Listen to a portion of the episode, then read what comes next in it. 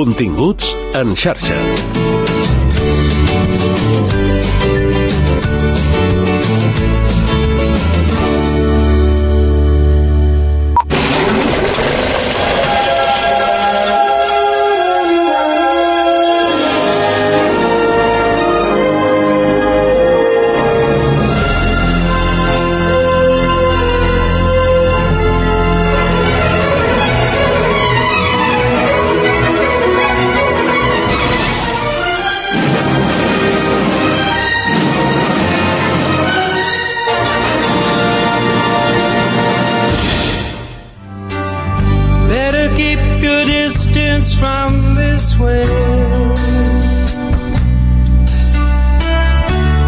Keep your boat from going astray. Find yourself a partner and treat them well. Try to give them shelter night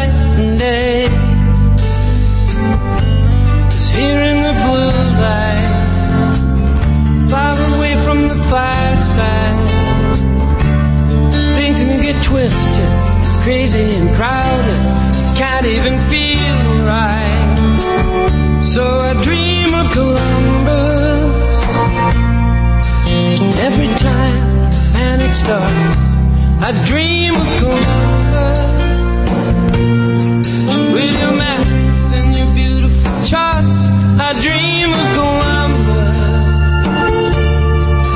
Hola, amics. Això és Cinema en la xarxa i qui us parla és en Víctor Alexandra. Avui, a motiu de la, de la seva mort recent, a més del gener, el mes de gener passat, dediquem aquest cinema a la xarxa a David Crosby. Eh, David Crosby eh, va ser un guitarrista, eh, cantant i autor de cançons californià, que també havia intervingut en alguns films com a actor i que es va fer famós com a membre del trio Crosby, Stills i Nash, un trio que moltes vegades, quan s'incorporava al canadenc Neil Young, es transformava en, en quartet, en Crosby, Stills, Nash en Young. I, a més a més, feien àlbums meravellosos en els anys 70. Uh, la cançó que ha obert el programa de- d'avui es diu Columbus, que no va escriure David Crosby, només la va interpretar, i la va incloure en el seu disc A Thousand Roads del 1993. Um, David Crosby era fill de Floyd Crosby, un director de fotografia uh, de cinema novaiorquès, que el 1931 va guanyar un Oscar pel seu treball al film Tabú, una història dels mars del sud, del gran, grandíssim director alemany eh, Friedrich Wilhelm eh, Murnau, amb qui també va rodar la, la famosa Nosferatu. Els començaments de David Crosby com a actor i músic mm, no avancen en paral·lel. Eh, al cinema arriba, arriba la vida de David Crosby molt més tard. Eh, comença als 23 anys tocant amb un grup en locals nocturns, Eh, després creen The Birds, una banda força bona, que apareixia en molts programes de televisió i que aconseguiria grans èxits. I com a actor, ell eh, no va ser bé fins al 1991, quan ja tenia 50 anys, déu nhi que Crosby aleshores va debutar, va debutar als 50. Ho va fer en el paper d'un hippie de la dècada dels 70, a la pel·lícula Llamarades, es va estrenar amb aquest títol a l'estat espanyol, al costat dels actors Robert De Niro, Donald Sutherland i Rebecca de Mornay. Eh, tot seguit, David Crosby apareix a Hook, de Steven Spielberg, amb Dustin Hoffman, Robin Williams i Julia Roberts, i també a Travessar el Rubicó, una comèdia d'embolics amorosos, on ja aquí tenia un paper més destacat. Però, però bé, ara escoltem-lo eh, escoltem-lo en un tema en un tema seu propi que apareixia a la banda sonora de Up in the Air aquella pel·lícula que interpretava George Clooney encarnant un individu contractat per acomiadar eh, gent treballadora eh, en empreses i que viatja contínuament i la cançó que apareixia en el film era aquesta interpretada per Crosby, Stills i Nash Taking a Toll Can it be taken? Taken at all? Were you looking for signs along the way? You see by your lonely light of day.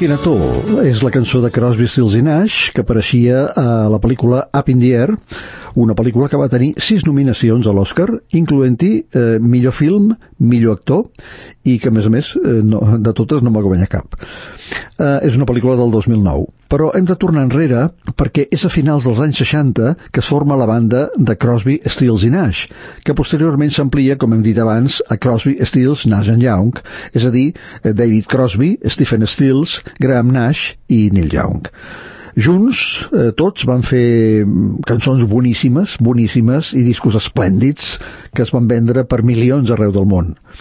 A David Crosby, musicalment parlant, el trobem a la banda sonora d'un munt de pel·lícules, eh, com ara, eh, per exemple, La veu del silenci, amb Gregory Peck i Jamie Lee Curtis, 1969, amb Robert Downey Jr., Guerra a casa, amb Kathy Bates, Sense límits, amb Donald Sutherland, El falcó anglès, eh, amb Terence Stamp i Peter Fonda, o també a 28 dies, amb Sandra Bullock i Viggo Mortensen. I aquesta, eh, que ara escoltarem, és una cançó molt maca, molt, interpretada conjuntament per David Crosby i Graham Nash. Southbound Train, tren en direcció, en direcció sud.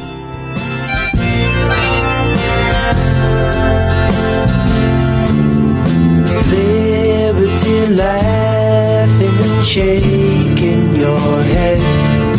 Can you carry the torch that'll bring home the dead to the land of their fathers whose lives you have led? To the station at the edge of the town on the southbound train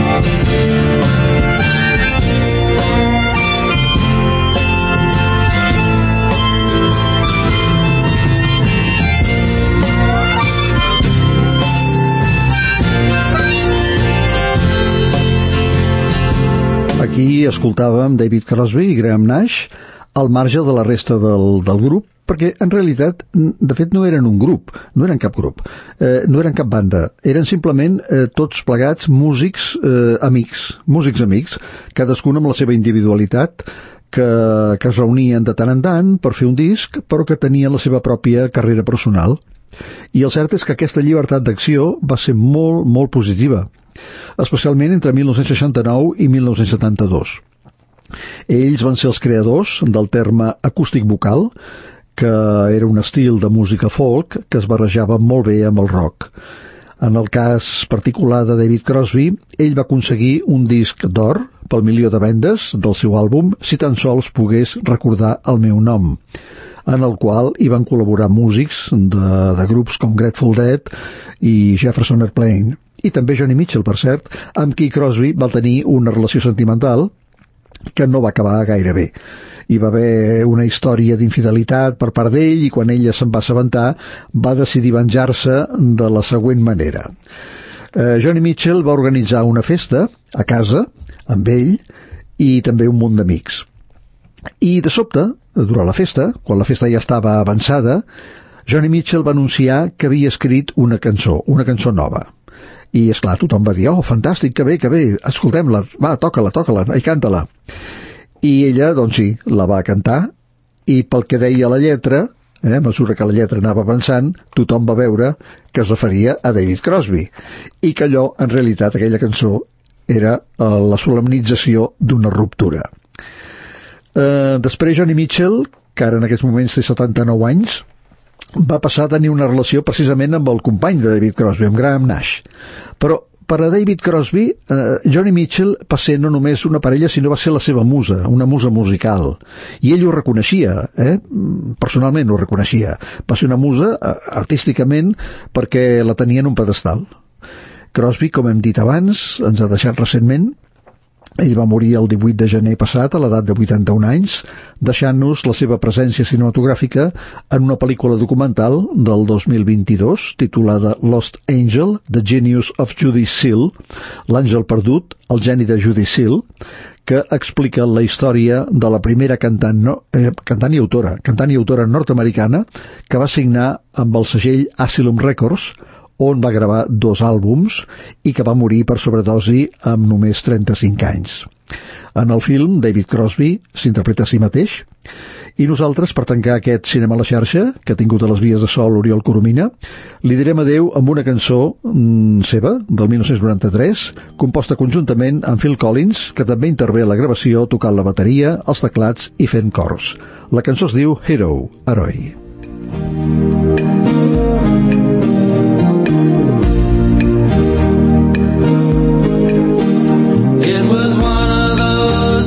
stories that you can't